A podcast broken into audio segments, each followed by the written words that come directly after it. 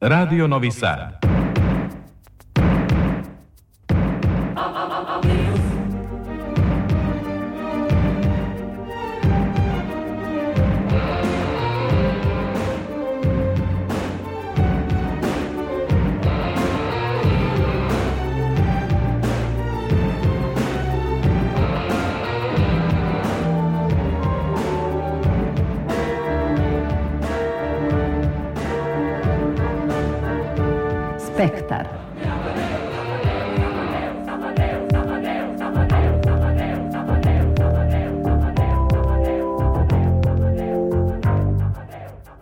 Spectre.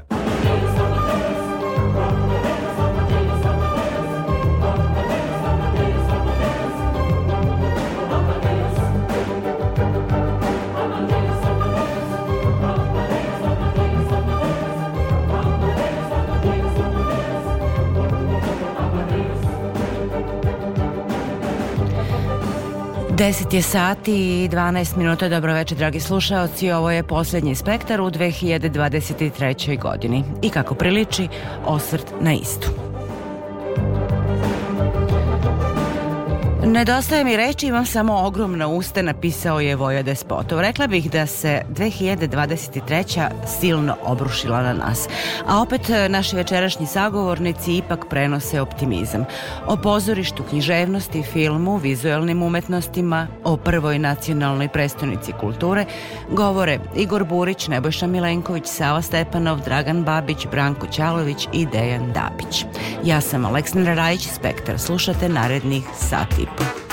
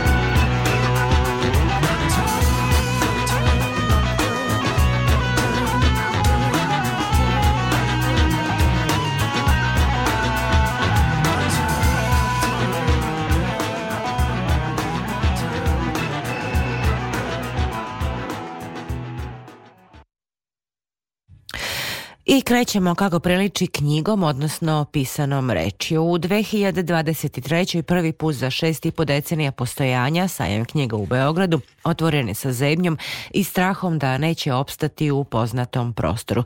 Zemlja je otklonjena podatkom da će sigurno opstati u čuvenoj kupoli bar do e, manifestacije Expo za četiri godine. Uzgred strah da će sajamski kompleks nestati, osim kupole, ostao je opravdan. I kad je već reč o sajmu knjiga, mestu gde se koncentriše književna produkcija, prvi put izdavač godine nije izdavač, već Zavod za zaštitu spomenika kulture Beograda, koji godinama pogoduje investitorima u glavnom gradu. Novi glasovi, novi izdavači i novi žanrovi u najkraćem bi bile karakteristike književnog života u Srbiji sa kritičarem Draganom Babićem godinu sumira Tatjana Novčić-Matijević. Ako bi u dve, eventualno tri rečenice, mogli da opišemo književni život i književnu produkciju u 23. godini. Kako bi zvučale te rečenice? Pa ne, nema tu puno razlike u odnosu na prethodne godine. Ima nekih izdvojenih događaja koji će imati neke efekte, pre svega tu mislim na smrt Davida Albaharija koja jednostavno događaj zajedno sa smrću, ne znam, i Dubravke Ugrešić i Dragoslava Mihajlovića i ostalih ljudi koji su ovaj, otišli sad u ovom periodu. Druga stvar koja je bitna, koja će imati daleko sežne posledice pre nego ove kratkosežne jeste taj takozvani slučaj Ane Miloš, odnosno cela ta fama oko toga. A je li to fama? Ajde sada od, odmah krenemo. Ili je to samo jedna da. igra identitetima? Meni je jako bilo nezgodno da o tome razmišljam i govorim kad se to dešavalo jer sam ja bio delimično deo svega toga, odnosno ja Miloša poznajem lično i, i nešto smo i sarađivali zajedno. Ja sam čitao njegov rukopis Deca Nedođina i pomogao sam mu da dođe do platoa do ko, koji mu je objavio i tako dalje. I nekako sam izgradio sam s njim neki odnos dovoljno nekako profesionalan da smo bili u kontaktu, ali opet m, nisam bio upućen upućen u sve to dok se sve to nije desilo. E sad, mislim da je to, s njegove strane, mislim da to nije, da li je to loše ili nije, to je naravno njegova lična odluka, ali mislim da to nije, kako je se na kraju završeno, mislim da bi bolje za njega bilo da je odigrao drugačije. Mislim da je on samo naišao na taj problem na koji svi pisi nilaze, a to je problem sa objavljivanjem na adekvatan način i ne mislim da je on to rešio na najbolje mogući način. Jer te knjige koje je on pisao pod pseudonimom su dobre, sve tri, odnosno i ova koja je dobila Đuro Đukanova i, i njeno prošireno izdanje i ova pesnička knjiga meni samo, ja sam se kasnije vraćao kroz to, ja sam naknadno otkrio da je jedna od tih priča koju on objavio kao dodatak u ovom Bukinom izdanju je on prvobitno publikovao pod svojim imenom. I neverovatno mi je kako niko to nije, uključujući mene, primetio. Da li je to fama ili nije, on je sebi napravio reklamu i ime, ali opet mislim da je daleko sežno da je to trebalo na drugačiji način. E sad, ono što je problem jeste što je on napravio jedan, jedan zid nepoverenja između izdavača, kojih je malo, koji su spremni da objavljuju nepoznate pisce i tih samih mladih i nepoznatih pisaca da će sad verovatno ti ljudi koji će pokušati da objave prvu, drugu knjigu imati problem da dokažu autorstvo.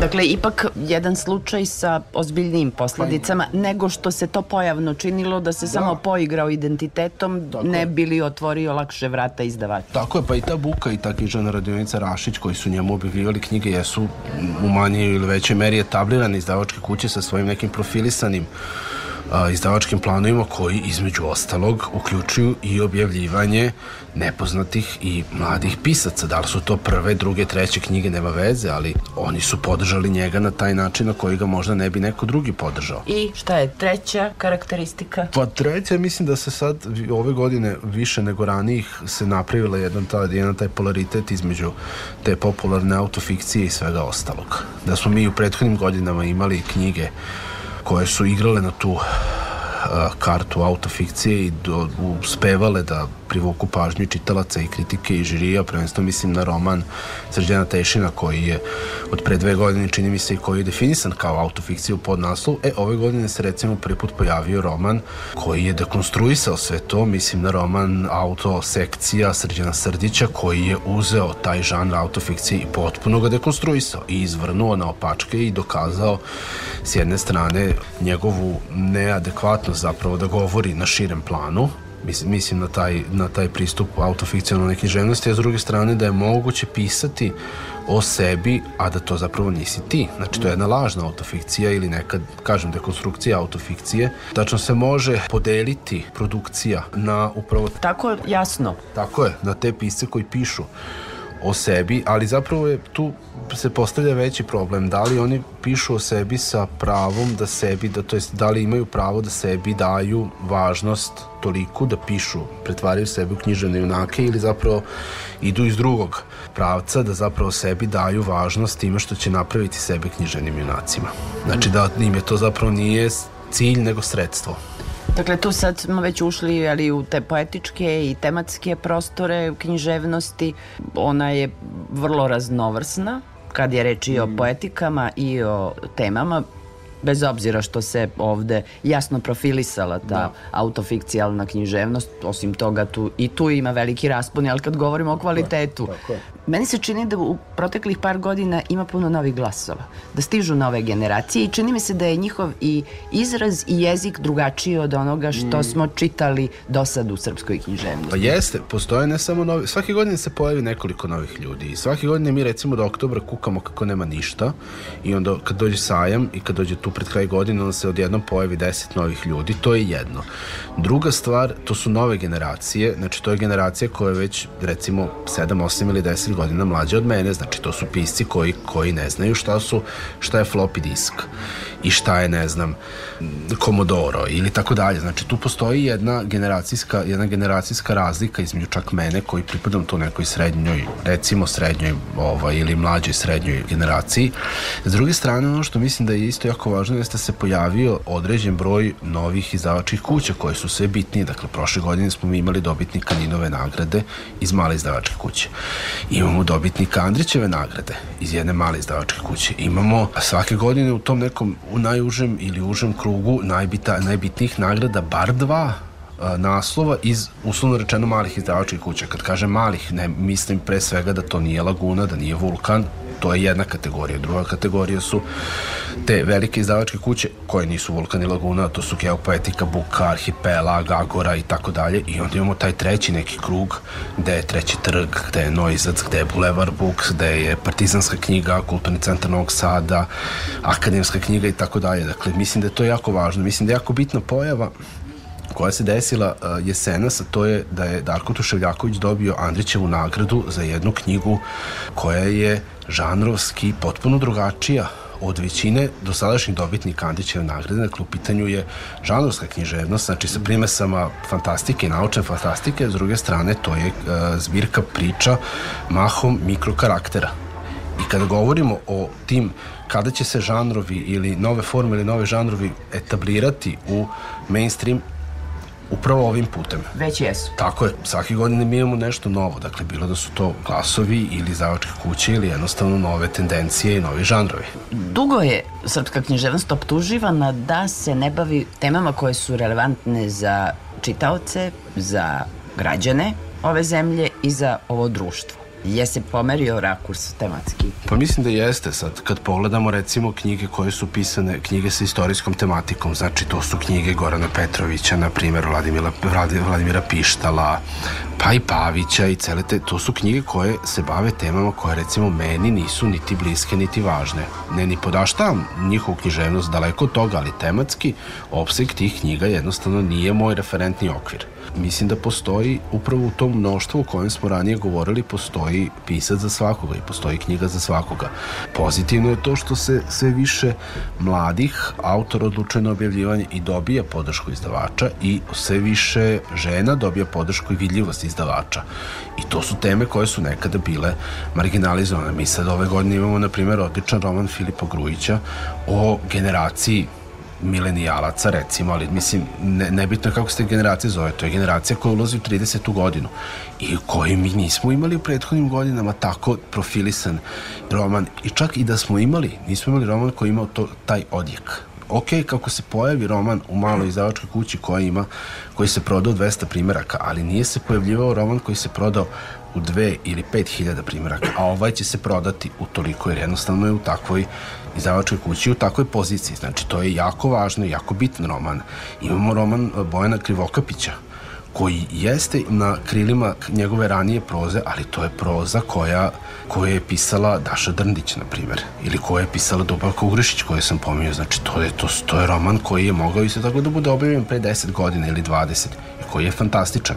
I to su recimo dva, na primjer, romana koji su meni ove godine odskočila. Imamo roman Ota Otvanija koji je objavljen u Laguni, dakle u najprominentnijoj izdavačkoj kući, ali koji je atipično tipičan žanrovski roman, znači policijski krimić koji je predložak za, na primer, seriju romana koji se mogu pojaviti u narednih godinama. To je isto nešto što mi nismo imali. Mi nemamo Knausgora u šest tomova, ili Lenu Ferrante u četiri, ili koga god u deset tomova. Ajde, Goran Petrović je počeo tako nešto, ali to su sve neke poetičke pojave koje su toliko raznovrsne da mogu stvarno, mislim da sad stvarno svaki čitalac može da nađe nešto za sebe. I najvažnije u tome može da nađe nešto domaće.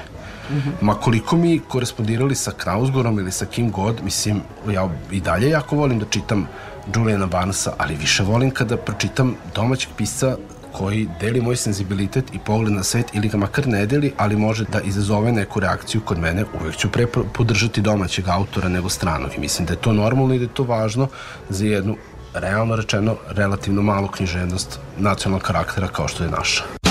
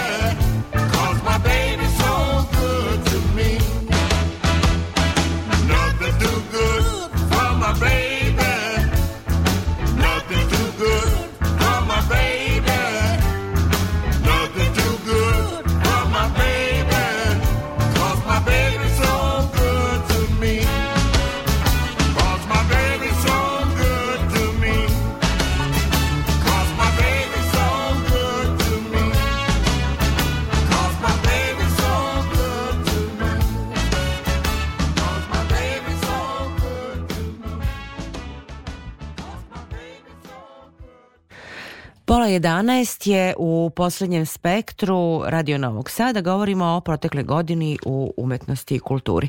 Kako je izgledala 2023. godina na domaćoj pozorišnoj sceni, koje su teme bile dominantne i koje su predstave obeležile godinu, govori pozorišni kritičar i novinar Dnevnika Igor Burić. Sa njim je razgovarala Ivana Maletin-Ćorilić. Kako ocenjujete pozorišnu produkciju u 2023. godini? Teško je oceniti ponudu u pozorištima za celu godinu, a da pritome nisam odgledao sve. Tako da uh, ono što sam video, a to je dobar deo produkcije u 2023. bar što se tiče Novog Sada pogotovo, nije ništa specijalna bila godina, nije ni podbacila, odnosno krećemo se u tom nekom srednjem opsegu ponude i kvaliteta koji je prisutan već neko vreme. E, koje teme su bile najzastupljenije? Čime su se teatri bavili? E, definitivno je na tom polju već lakše malo uočiti neke specifičnije tendencije. E, mislim da su pitanja uloge i položaja žene u patrijarhalnom društvu i dalje vrlo jake, glasne, aktuelne, zastupljene kako god kome se svidelo to pitanje, nekome se i ne sviđa baš zašto se u pozorištima time toliko bave, međutim činjenica je i statistike pokazuju da žene mogu se posmatrati kao ugrožen rod, pol, broj, kako god, e, zbog nasilja u porodici kome nije dovoljno jasno i često nekim diskvalifikacijama u ekonomskom, socijalnom i svakom drugom smislu, tako da pozorište i umetnici dosta uh, zastupaju tu žensku stranu, da kažem. Osim toga, e, definitivno da umetnost ima i svoj neki antiratni angažman, da često se bavi traumama, e, na ovim prostorima toga nam nikad ne fali, nažalost, i uvek je neko raščišćavanje sa prošlošću prisutno, tako i ove godine. E, i recimo da su to dve najdominantnije, znači neke ratne traume i politički kontekst, onda žensko pitanje, da su dve najdominantnije teme, dok recimo e, ono što umetnosti umetnici uvek rade pa i pozorišta, bavljenje nekim uslovno rečeno metafizičkim pitanjima religije, istine, pravde, Boga, duha, ljudi, smrti, života, to se podrazumeva. Tako da reći sad kao da bavili smo se pitanjem ljubavi ili istine ili postoji li Bog, kako bi rekao, to možete reći na pamet svake godine i bit ćete u pravu. Jesu li se pozorišta držala nekih svojih standardnih e, okvira ili su eksperimentisala, pravila iskorake? Kako ko je, kako ko je. Mislim, mnoga od njih ni ne znaju šta rade ako se, se našali, izvinjavam se. Mislim u smislu da nemaju profilisane repertoarske politike, nego to bude ono malo, ajde da napravimo neku komediju, ajde da napravimo um, neku dramu, neku klasiku, ajde da napravimo musical ili predstavu za decu, mislim ne vidi se tu sad neka reakcija, odgovor ili razmišljanje na temu, istraživanje publike, e, posmatranje što se događa u svetu ili u Evropi, to je jako velika redkost kod nas, da se razumemo. I to je problem, gorući problem koje mi imamo u kulturi generalno, ne samo u pozorištu i radi se na tome u smislu da se povremeno organizuju tribine, okrugli stolovi, pa onda pozovu kritičare, novinare i teatrologe koji jako lepo govore artikulisano o tome, a onda pozorišta za e, umetničke direktore izaberu neke po stranačkom opredeljenju ili po nekom osnovu kao on je dobar, on je, ne znam, glumac, izvinjavam se svim glumcima, i onda glumac pita reditelja, reditelj pita nekog teatrologa i tako nastanu repertoari, tako da, eto, ne znam, sam odgovorio na vaše pitanje, ali svašta sam rekao. Kakav uvid su nam pružili veliki pozorišni festivali poput Sterinog pozorja? Šta su nam oni doneli?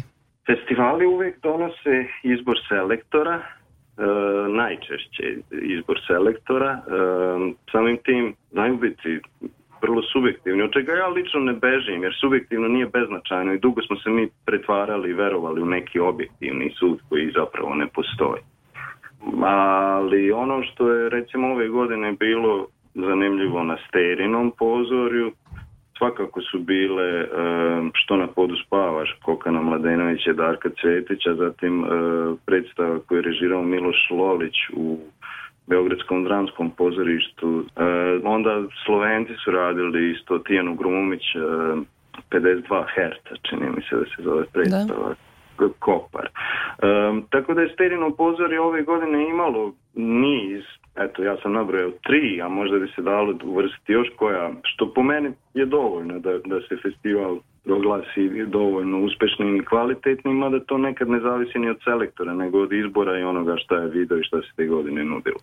Bitet je imao veliku transformaciju u, u smislu umetničkog rukovodstva i Ivan Medenica e, je smenjen, tako reći. E, I Nikita Milivojević, Tijana Grumić i ne znam, treća osoba je, je producentkinja, tako da baš ne poznajem kako se zove, ali izvinjavam se i njoj. U svakom slučaju, u vrlo kratkom roku su napravili najbolji mogući festival uh, koji je reprezentativan, mislim bilo je tu stvarno neke stvari koje su u Evropi protekli godina izazvale ozbiljne odjeke u umetničkim krugovima. Sad na, opet na nivou celine ne mogu da govorim uh, i da upoređujem sa prethodnim godinama.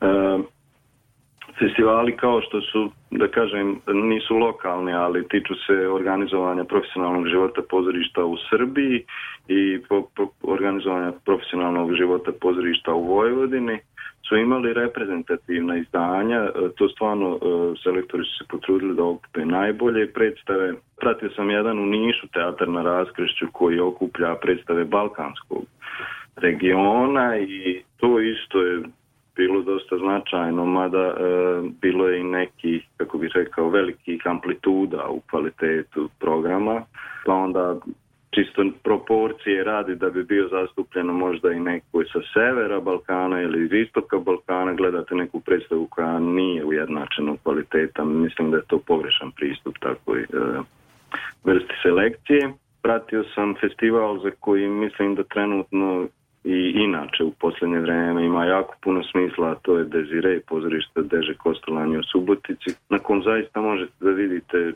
pa čuda, ja to tako zovem, jer su dosta redka, pa je takvo jedno bilo predstava Bjerneja Lorencija, Adrian Hod, Koje predstave su ove godine na vas ostavile najjači utisak i koja bi bila vaša preporuka za slušalce? Scena, časopis za pozorišnu umetnost Stedinog pozorja poziva kritičare i teatrologe da svojim glasovima izaberu, tako da kažem, za naj, najbolju predstavu sezone i nekako sam svodio račune i pošto je poziv upućen za domaća pozorišta, ne za internacionalnu scenu na koju je svakako lakše zabrati neke velike i značajne predstave, koncentrišući se na ono što sam video ove godine u našim pozorištima, mogu preneti svoj izbor, e, čak sam ga napisao i preneo i za čitoce dnevnika u kom radim, a on glasi ovako, krenut ću od trećeg mesta, jer tri mesta su samo potrebna bila u propozicijama. Šta će biti s nama Boris Lješević i Fedor Šili, Narodno pozorište Toša Jovanović Zrenjanin. Kratko obrazloženje bi bilo da je to jako dobar autorski projekat koji su sada onako nekako mnogo probitačniji nego oni koji se rade po dramskim tekstovima, a e, zašto je to tako, to je sad jedna posebna, da kažem, tribina i okrugli sto e, i tiče se naravno odseka za dramaturgiju i načina na koji ljudi pišu danas drame.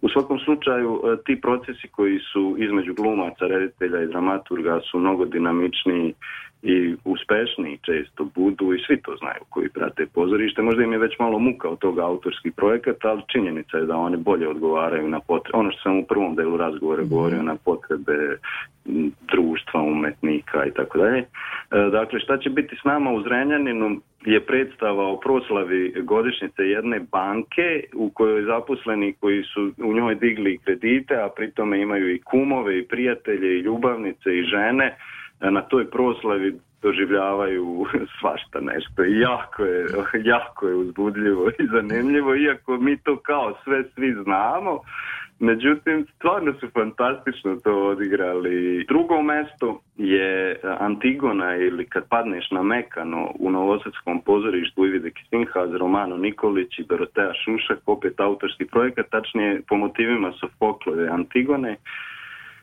kako glasi naslov, Romano Nikolić se bavi upravo ono što sam govorio isto u prvom delu razgovora, traumama i našim ratnim nasleđem i još uvek e, neproživljenim osjećanjima u vezi sa tim, u vezi sa raspadom Jugoslavije, u vezi sa žrtvama, u vezi sa sahranjivanjem. Mislim, znamo Antigonu i Sofokla, ko ne zna o tome se radi i to je onako transponovano u jedan jako bogati, uzbudljiv, vizuelni, mu, muzički i poetski jezik, a glumci Novosadskog pozorišta, pa eto, ako treba ponoviti, to svi znaju koji prate pozorišni život igraju na najboljem, najvišem mogućem nivou.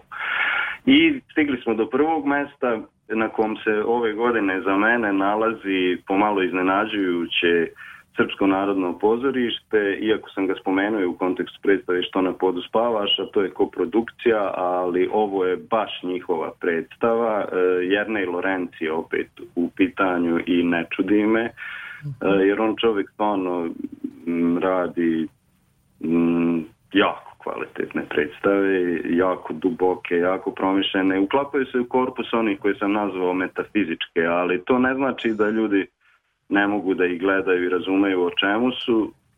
Konkretno predstava o kojoj govorim je Evanđelje po Fjodoru Mihajloviću Dostojevskom.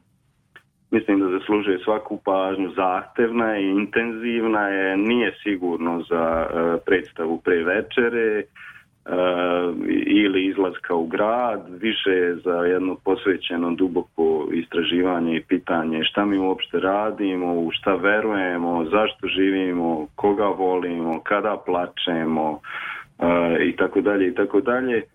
Mm, glumačka ekipa Srpskog narodnog pozorišta koja izvodi tu predstavu je stvarno fantastična. Doživljajem, eto, neverovatan. Kažem, mislim, o Dostojevskom ne treba pričati, o Lorenciju, ko ne zna, treba svakako videti šta radi u pozorištu, a i mislim da Srpsko narodno pozorište posle dugo, dugo ima jednu evropski relevantnu predstavu. Hvala Igore najlepše na vremenu izdvojenom za slušalce Radio Novog Sada. Sve najbolje u novoj godini i da nam 2024. bude bolja na pozorišnom planu. Molim, hvala i vama. Turn the lights on, baby.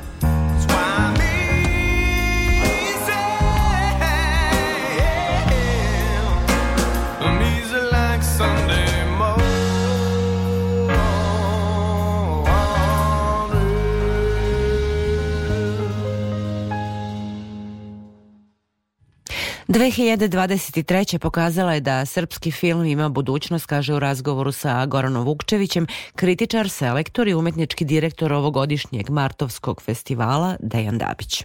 Gospodine Dabiću, s obzirom da imate uvid uh, ne samo u produkciju u Srbiji, nego u produkciju i regiona i svetskog filma, E, kako vidite 2023. na planu domaćih filma, filma u regionu i filma na svetskom planu? Dobro, to je dosta široko postavljeno. Kada je reč o domaćem filmu, dugometražnom igranom, ima tu dosta filmova koji su prošli zapaženo na međunarodnim festivalima, a nisu prošli kroz neke domaće festivale ili su na domaćim festivalima prikazani i ušli u bioskop tek pred kraj godine. Možda mislim da ponekad i nije najbolje rešenje da između svetske premijere nekog filma i nacionalne premijere prođe šest meseci, ali to je već e, stvar gde svako može da donese odluku kako želi, ali e, ako uzmemo u obzir sve filmove dugometražne igrane koji su bili prikazani u 2023. godini, onda možemo da kažemo da je trenutak domaćeg filma više nego dobar, dakle zaista imalo šta da se vidi i ti filmovi su bili i festivalski zanimljivi, ali su bili zanimljivi i publici. Dakle, imali su komercijalni potencijal, možda ne tako kao neki filmovi od pre dve godine, ali nesumnjivo u ovim uslovima post-covida i nekih drugih stvari kriza ratova. Kriza ratova, čak rekao bih, bilo sam šta ću reći, poskupljenja nakon ukrajinskog rata, koje je zaista... Vrlo drastično. Drastično, zaista, to čak i ja primećujem, koji ne moram nikoga da izdržavam, primećujem da sve drastično poskupilo. Dakle, u svim tim okolnostima mi još uvek imamo još uvek imamo filmove koji imaju i taj bioskopski potencijal, a da istovremeno a nisu time narušili svoj festivalski potencijal što se tiče a, kratkog metra i dokumentarnog filma evo skoro je jedan naš autor i profesor Dejan Petrović podsjetio da unazad 10-15 godina naši filmovi mnogo bolje prolaze na IDFI, na nekim međunarodnim festivalima nego što su pre nekih 20 godina i tako dalje. Tako da aktuelni trenutak domaćeg filma uopšte, uopšte nije loš i mislim da u svemu bez obzira na probleme koji postoje ponekad u da kažemo sprovođenju konkursa, ali velike zasluge ima Filmski centar Srbije koji e, na neki način afirmiše ne samo a, dugometražni igrani film, nego još i više kratke forme i dokumentarni film i to je jedna dobra formula koju smo čini mi se preuzeli od komšija u Hrvatskoj jer je HAVC, Hrvatski audiovizualni centar u velikoj meri konsolidovao stanje u hrvatskoj kinematografiji, a mislim da Filmski centar Srbije pomaže da Srbija bude da na neki način a, lider u ex-jugoslovenskim zemljama. Da, a što se tiče uh, ove godine, što se tiče uh, svetskih filmskih festivala i onoga što je uh, vaša ocena kao kritičara, šta se to izdvojilo. Znamo otprilike šta se izdvojilo u, u Srbiji, to je svakako film od nagrađenih autora uh, Dušana Zorića i Mati Gluševića. Da li ste videli ovu ženu? Tu su čuvari formule Dragana Bilogrlića. Vaši pa, favoriti? Lost Country ovaj, Vladimira Perišića. Pričam, da, da, pričam ne po nekom mom, nego ovaj, praktično gledam po nekim opštim pokazateljima kada reč o, o festivalima, što je kada je reč o, o, o međunarodnim festivalima, sad nisam tu imao baš u nekoj meri preveliki uvid, zato što treba sve odgledati sve te filmove, naravno, ali ja mislim da je bilo onih filmova koji su prošli kroz bioskope, a koji će verovatno i za Oscara i za neke druge nagrade imati neku, ne, ne, neki značajan potencijal, a to su filmovi koji a, su uspeli na, na pravi način da spoje teške teme sa potencijalom kada reč o bioskopskom filmu, mislim pre svega na Oppenheimera. Tako je. S obzirom na sve ove krizne situacije, skoro ih nije bilo baš toliko u kratko vreme i koje još uvijek živimo kao što su ratovi i ogromna kriza. Kako vidite sad ovaj period koji dolazi što se tiče domaćeg filma, igranog i dokumentarnog? A, prošle godine smo pred kraj godine kad je bilo jedno filmsko veče koje je Filmski centar Srbije organizovao, videli smo m, dosta trailera za neke filmove koji su određeni u fazi produkcije. I među tim filmovima, znači jedan od tih filmova je film Gorana Radovanovića, ima dosta, dosta zanimljivih filmskih ostvarenja i ako svi ti filmovi budu završeni, budu prikazani u toku iduće godine, mislim da će oni u, u pravom smislu te reči nastaviti kvalitativni, da kažem, pomak koji postoji u domaćem filmu. Svakako, nikad ne možemo znati neki filmovi uđu u postprodukciju pa to traje izvestan broj godina, ali mislim da ćemo imati zanimljivo filmsko proleće i jesen i ja se tome radujem i nadam se da će domaća filmska produkcija bez obzira na sva finansijska i druga iskušenja da će opstati jer su meni pre, pre a, deset godina kada sam a, a, davao jedan intervju rekao da a, srpski film ima budućnost.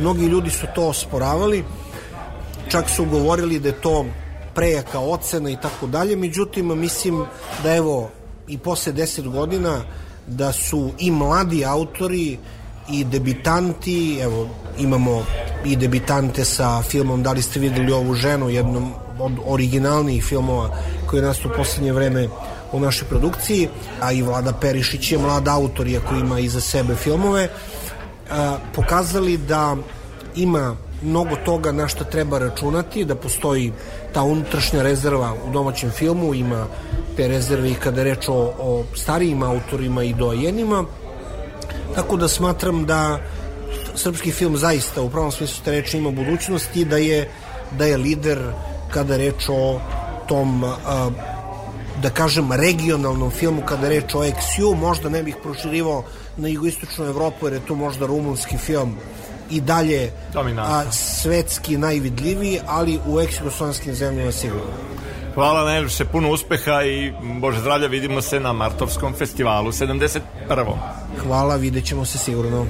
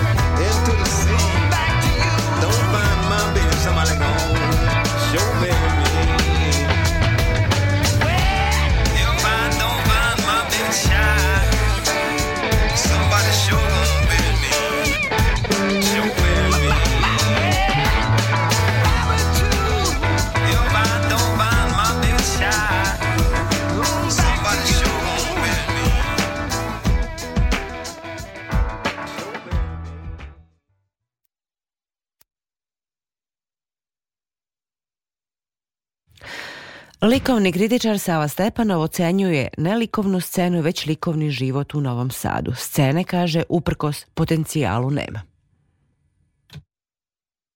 Mislim da sam likovni život u Novom Sadu malo bar probudio posle ovih eh, događaja oko predstavnice kulture. Konačno dobili smo i nove galerijske prostore i ovde u, u kineskoj četvrti, a i nov prostor Akademije umetnosti koji je aktivan i koji, gde se održavaju izložbe. A imamo sreće da imamo i žive institucije koje imaju ove stalne postavke koje stalno prezentuju neke nove izložbe i imaju dobre programe, tako da osim onih izložbi koje su stalno u galerijskim, malim galerijskim prostorima po Novom Sadu.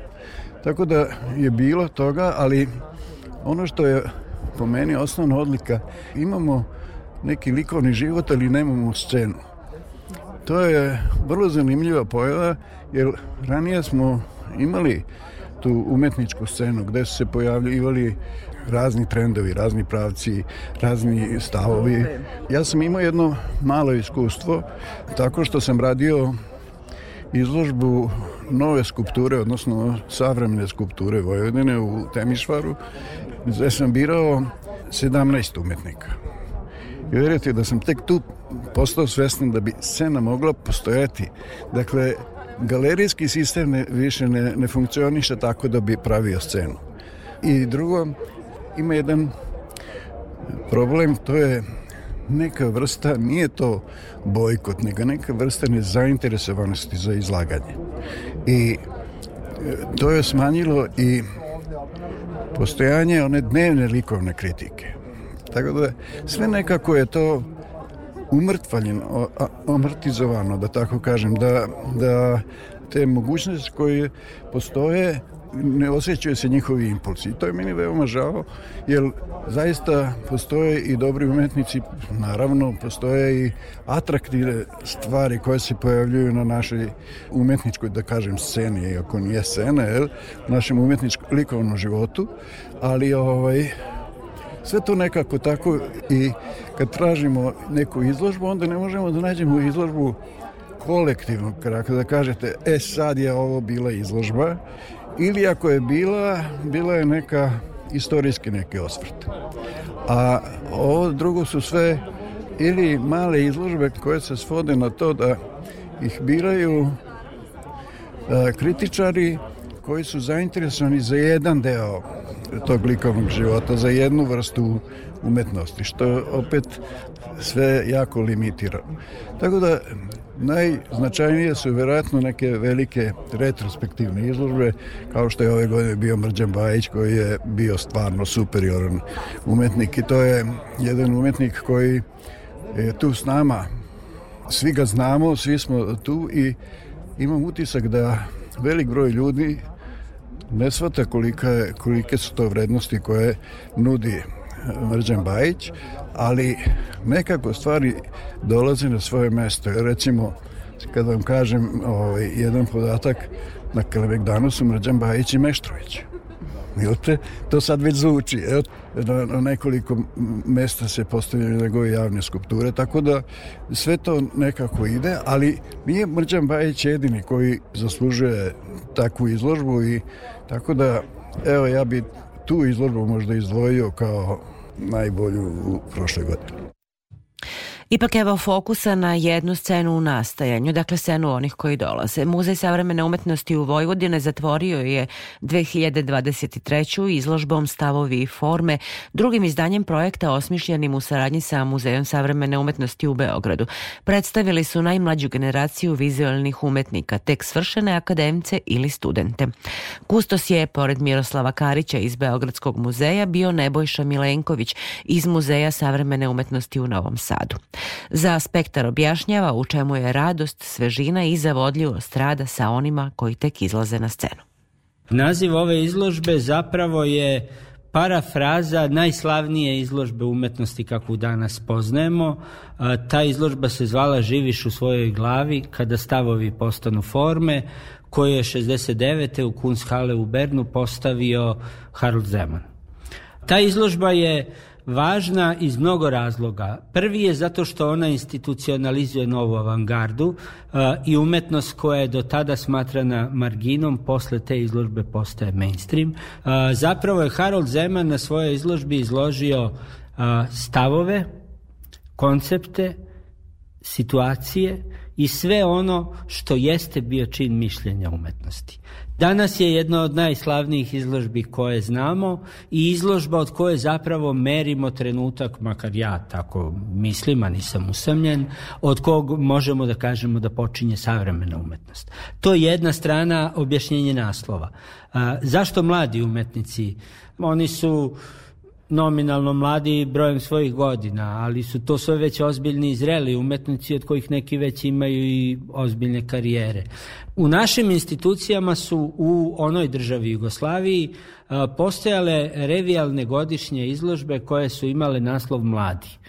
Te izložbe su negde do Titove smrti postojale, posle toga ukidanjem onoga čiji rođendan je bio simbol mladosti u našoj zemlji i, i države u kojoj je ta umetnost nastajala i institucije su spontano prestale da se bave tom, tom umetnošću.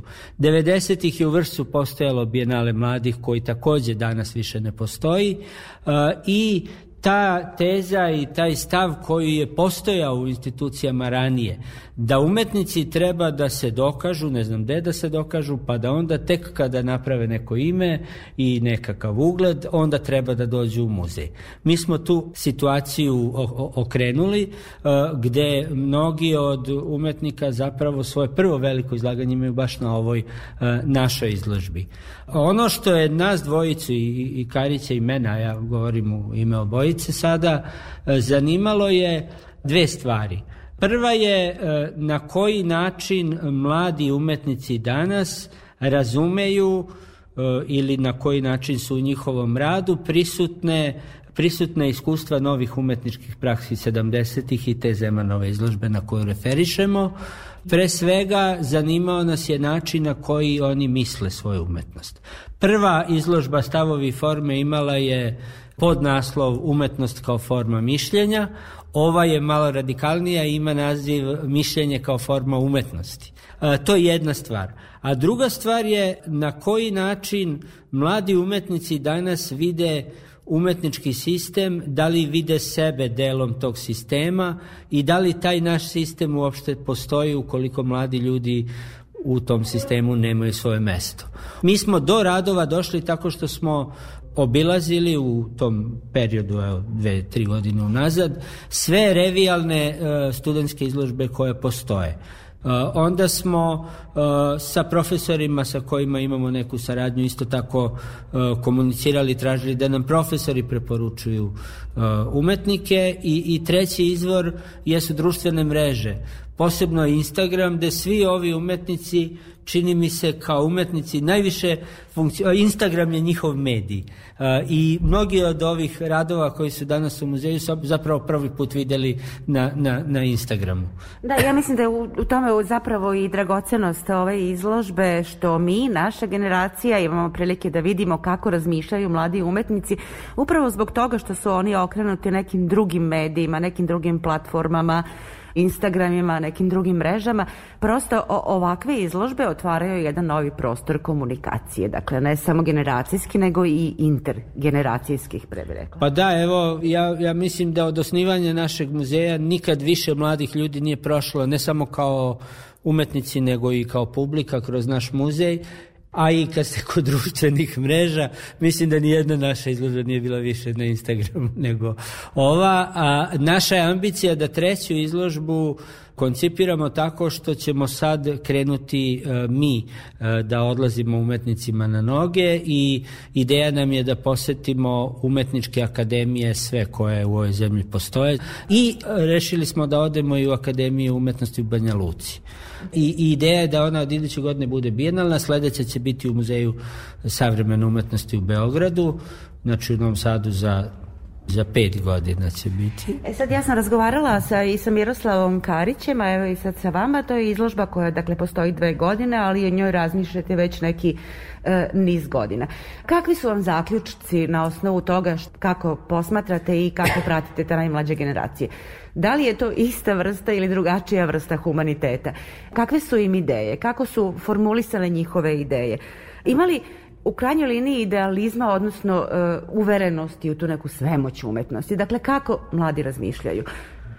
Nema generalnih zaključaka. Svaki od ovih uh, umetnika, ima ih 11, je potpuno različit. Mi smo uh, na početku ovog procesa napravili jedan sastanak sa njima i postavili smo im pod navodnicima malu zamku. Uh, mi smo okrenuli proces pa smo želeli da ne budemo mi kao kustosi, diktatori koji će birati radove i odlučivati kako će se koji umetnik predstaviti, nego smo dali šansu da sami umetnici nama predlože način na koji će oni sebe vide ili na koji bi voleli da budu predstavljeni na ovoj izložbi.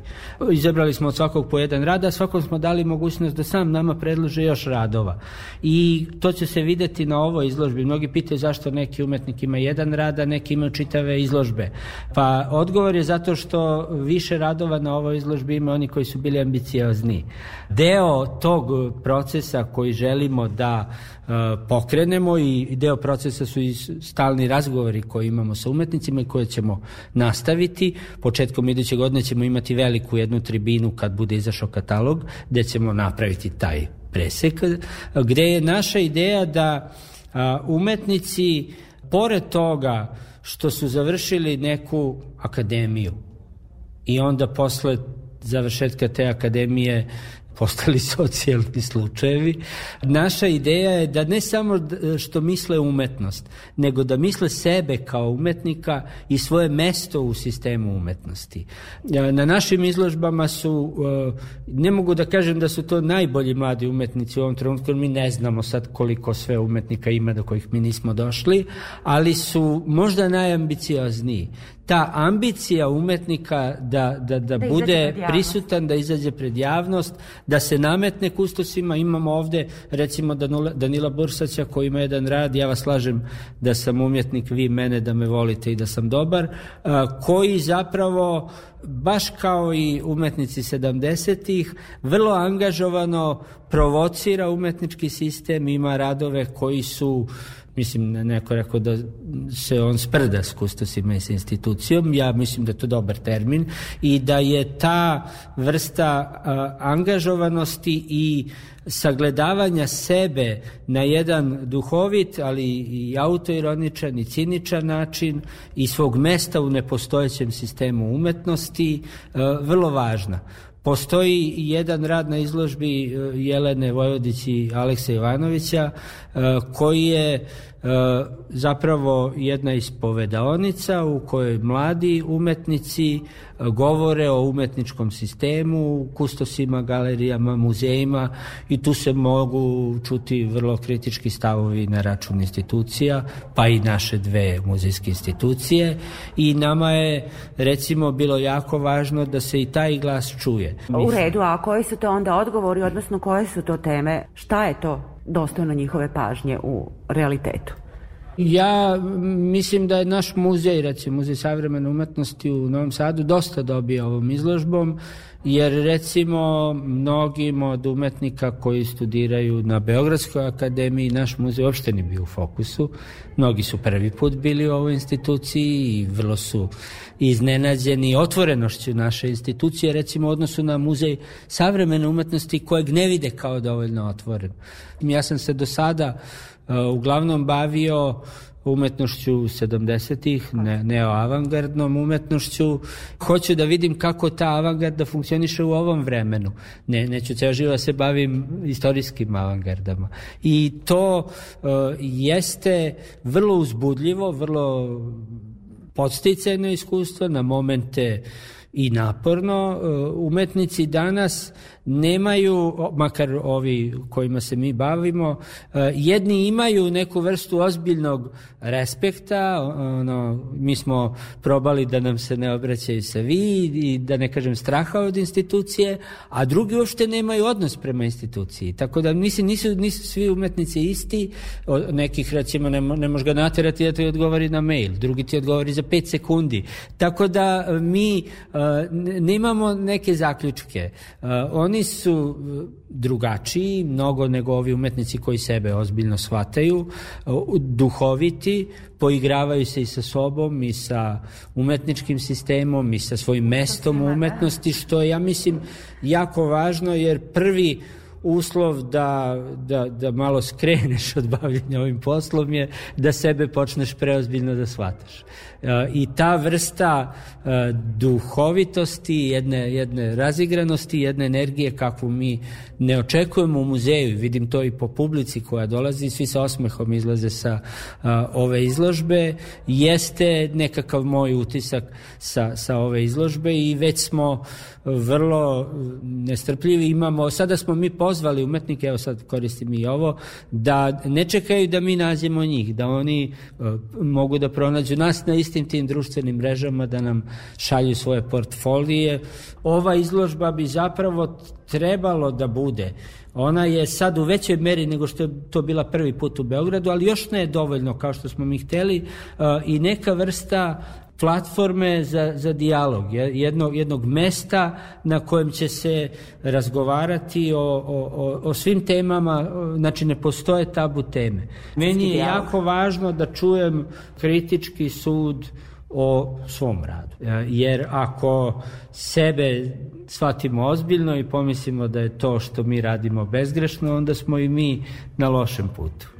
Za kraj samo ovog razgovora, e, koliko ste imali vremena da pratite ostala dešavanja na likovnoj sceni, imali nešto što biste e, za ovu proteklu godinu, odnosno za 2023. izdvojili? Pa u, u našem gradu, evo ja ću izdvojiti u našem gradu, ajde, pošto smo u Novom Sadu, kao nešto što je jako važno, mada nisam siguran da li je od ove ili od prošle godine, ta galerija Akademije umetnosti koja je otvorena na bulevaru Mihajla Pupina 20. Što se tiče nacionalnog nivoa ja meni nedostaje više one umetnosti koja postavlja neprijatna pitanja koja se bavi onim što mi kao društvo živimo i rekao bih da takve umetnosti angažovane kritičke za moj ukus nema u dovoljnoj meri.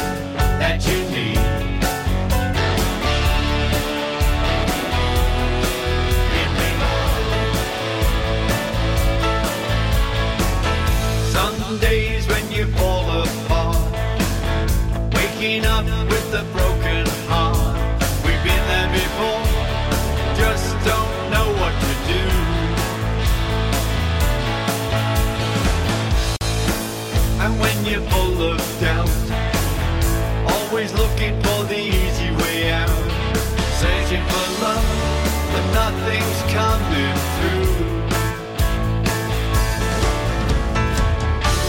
It never works out, running away. You know you've got to stand up and face the day. It's not love.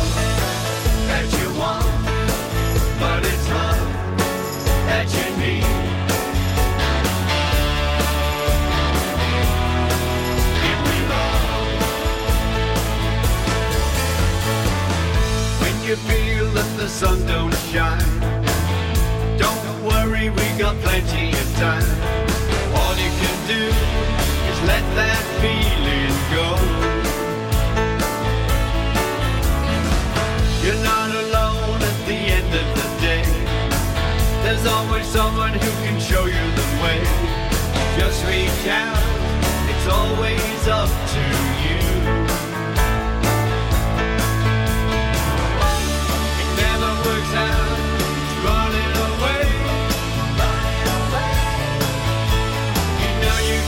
Stand up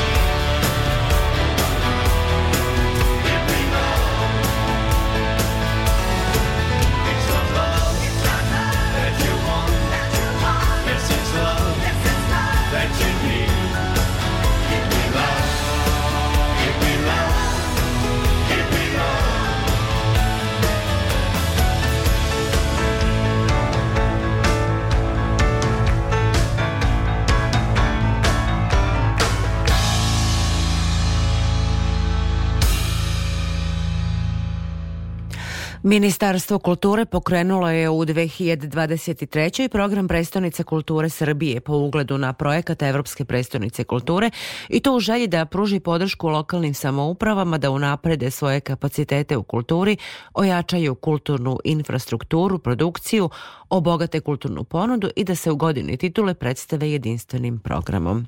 Čačak je prvi nosilac te titule koju će kraj marta predati Užicu. O infrastrukturnim projektima i programima realizovanim u gradu na Zapadnoj Moravi sa umetničkim rukovodiocem projekta i direktorom galerije Nadežda Petrović, Brankom Ćalovićem, razgovarala je Ivana Maletin-Ćorilić. Čačak je prvi grad u Srbiji koji je poneo tu titulu nacionalne predstavnice kulture, što je sa jedne strane velika odgovornost i breme, budući da će se naredne predstavnice ugledati na vas, a sa druge strane jedna kreativna sloboda, budući da ste imali donekle odrešene ruke da sami kreirate program. Kako ste iskoristili tu priliku? neka ovo što ću sada reći bude neki poziv za sve buduće gradove koji žele da konkurišu. Projekat prestonice kulture svakako je najkompleksniji, najobimniji mehanizam, odnosno model decentralizacije i u kulturi u dosadašnjoj praksi i zaista predstavlja jedan pravi primer podrške lokalnim samoupravama da unaprede svoje kapacitete, da ojačaju svoju infrastrukturu, da prošire kulturnu ponudu, da podignu kulturni, umetnički, turistički razvoj jednog grada, e, brendiranje grada je izuzetno važno kao i brojni legati ovog projekta kako kroz programske aktivnosti koje definitivno moraju da naprave određene iskorake, unapređenje, inovacije, internacionalizacije, estetske nadgradnje, tako i upravo e, infrastrukturni e, projekti kao što su formiranje novih muzeja, izložbenih prostora i sve ostalo je nešto što definitivno predstavlja jedno trajno nasleđe i što jedan grad e, postavlja na drugačiji način na kulturnoj mapi naše zemlje.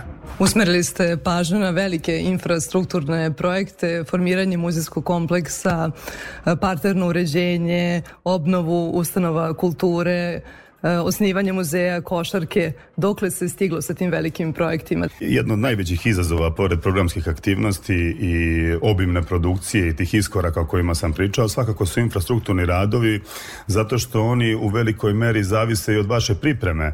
Da li su rešeni imovinsko-pravni odnosi, da li postoje sve određene dozvole, da li postoje saglasnosti Zavoda za zaštitu spomenika, s obzirom da se uvek nešto radi u gradskim jezgrima, ali ono sa čim e, ne možete, recimo, da percipirate, ne možete da kalkulišete, jeste i situacija koju smo mi imali u Čačku kada smo na planiranoj lokaciji razmišljali o formi lapidarijuma, amfiteatra, depoa za naše ustanove kulture, a naravno preduslovi za to po zakonu o kulturi su ovaj, arheološka istraživanja koja su sa jedne strane onomogućila da kažem, tu gradnju, zato što su trajna, a s druge su bila odlična, jer je ovaj projekat praktično iznedrio jedno izuzetno arheološko otkriće u samom srcu grada. Radi se o jednom ogromnom kompleksu koji je nazvan grad ispod grada. Tako da te neke stvari, da kažem, e, mogu da budu realizovane, u najvećoj meri smo to i izveli, uradili smo rekonstrukciju ulice koja je praktično Samo poveznica da leve i desne. slušalcima, Mhm. reč je o utvrđenju iz e, rimskog perioda. Jest iz rimskog perioda, tako je, koja u svojoj formi, u svojim bedemima, u svojoj ovalnoj kuli sugeriše jednostavno artefaktima da je reč o značajnom e, na- naselju koje je, vidjet ćemo kada vreme bude pokazalo kog obima bilo i da li je možda bilo veće i pre samog Čačka u svom formiranju. Pomenuh rekonstrukciju ulice Cara Dušana koja je zapravo i poveznica leve i desne strane muzejskog kompleksa. To je u naša ideja od samog starta da formiramo jedan muzejski kvart. Znači nešto što postoji u nekim drugim zemljama, ali kod nas definitivno ne, jer sticajem okolnosti oko crkve Vaznesenja Hristovog kod nas u centru su lokacijski smeštene brojne ustanove kulture i umetnička galerija Nadežde Petrović i Narodni muzej i istorijski arhiv. A grad Čačak je bio predusretljiv i brojnu infrastrukturu kao što je najstarija Hadžića kuća koja se upravo sada priprema za etnografski muzej. E, pored toga zgrada policijske uprave je data na raspolaganje, odnosno prenamenu za, za ustanove kulture i bit će stalna postavka i depo i umetničke galerije, kao i najstariju Sokolanu u našoj zemlji koja bi trebalo za neki mesec da se završi, da postane jedinstveni muzej košarke i sporta, a sve to parterno, infrastrukturno objedinjeno u jednu veliku celinu koju će svi posetioci grada Čačka imati prilike da vide. Naravno i parohijskom domu koji je u dvorištu umetničke gale Nadežde Petrović bit će i muzej Srpske pravoslavne crkve, odnosno postavka. Tako da će to biti jedna izuzetna kulturno-turistička atrakcija koju jednostavno ja mislim da će biti nezaobilazno mesto posete našeg grada. Koji programi su obeležili godinu titule? Čačak je proslavio nekoliko jubileja, 60 godina Disovog proleća, zatim 150 godina od rođenja Nadežde Petrović. Pa u programskom smislu možemo da krenemo već od same ceremonije otvaranja, koja je zaista jedan izazovan i jedan e, veliki multimedijalni događaj koji zapravo priča priču o tome zašto je Čačak predstavnica kulture i kroz svoju scensko-vizualnu izvedbu. Publici približava naš grad, našu istoriju, naše znamenite ličnosti. I ono što bih izdvojio pored toga su zaista izložbe jubileja Nadežde Petrović, 150 godina od njenog ređenja, s tim što ne govorim sada konkretno samo o izložbi, taj projekat je kompleksan, on ima svoju regionalnu komponentu, među- međunarodnu komponentu, nacionalnu komponentu, u saradnji smo sa brojnim ustanovama kulture koji baštine Nadeždino delo u zemlji, u regionu, saradnja sa fakultetom, e, odnosno sa katedrom za muzeologiju i heritologiju iz Beograda, sa etnografskim muzejom, sa galerijom Matice Srpske, sa spomen zbirkom Pavla Beljanskog, sa Narodnim muzejom, sa svim regionalnim muzejima, sa Tifološkim muzejem iz Zagreba, koji je zajedno sa Muzejem savremene umetnosti iz Banja Luke radio na realizaciji izložbe za slepa i slabovida lica, sa brojnim galerijama kao što je GSLO iz Niša. Znači jednostavno ogroman, kompleksan, obiman, dostojan projekat obeležavanja jedne ličnosti kao što je bila Nadežda Petrović. Vest da će Čačak dobiti muzej košarke je odjeknula širom regiona. Kako teče priprema te postavke? Pripreme teku, da kažem, nekim planiranom dinamikom, međutim, kao i svi objekti koji su, da kažem, stariji od 100 godina, e, pristup njihovoj rekonstrukciji je vrlo zahtevan i nije jednostavan kao kada se radi nešto iz temelja.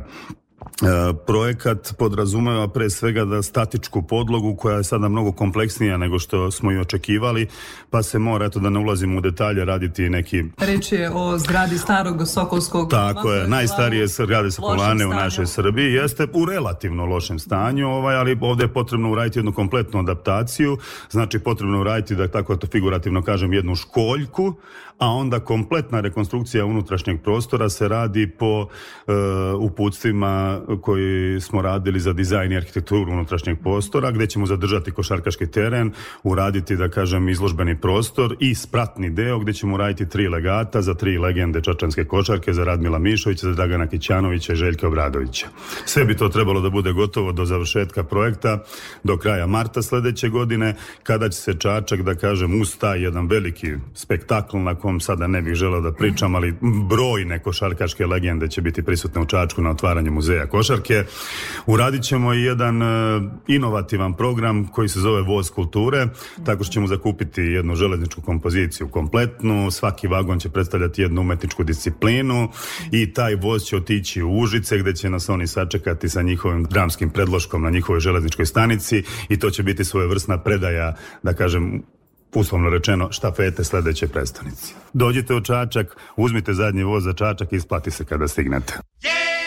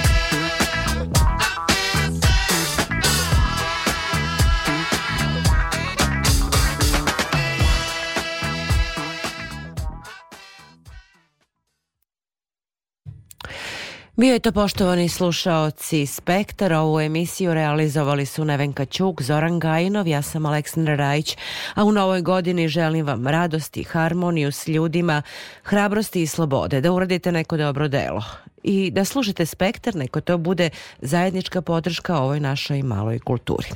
Čujemo se u novoj godini, želim vam prijatnu noć.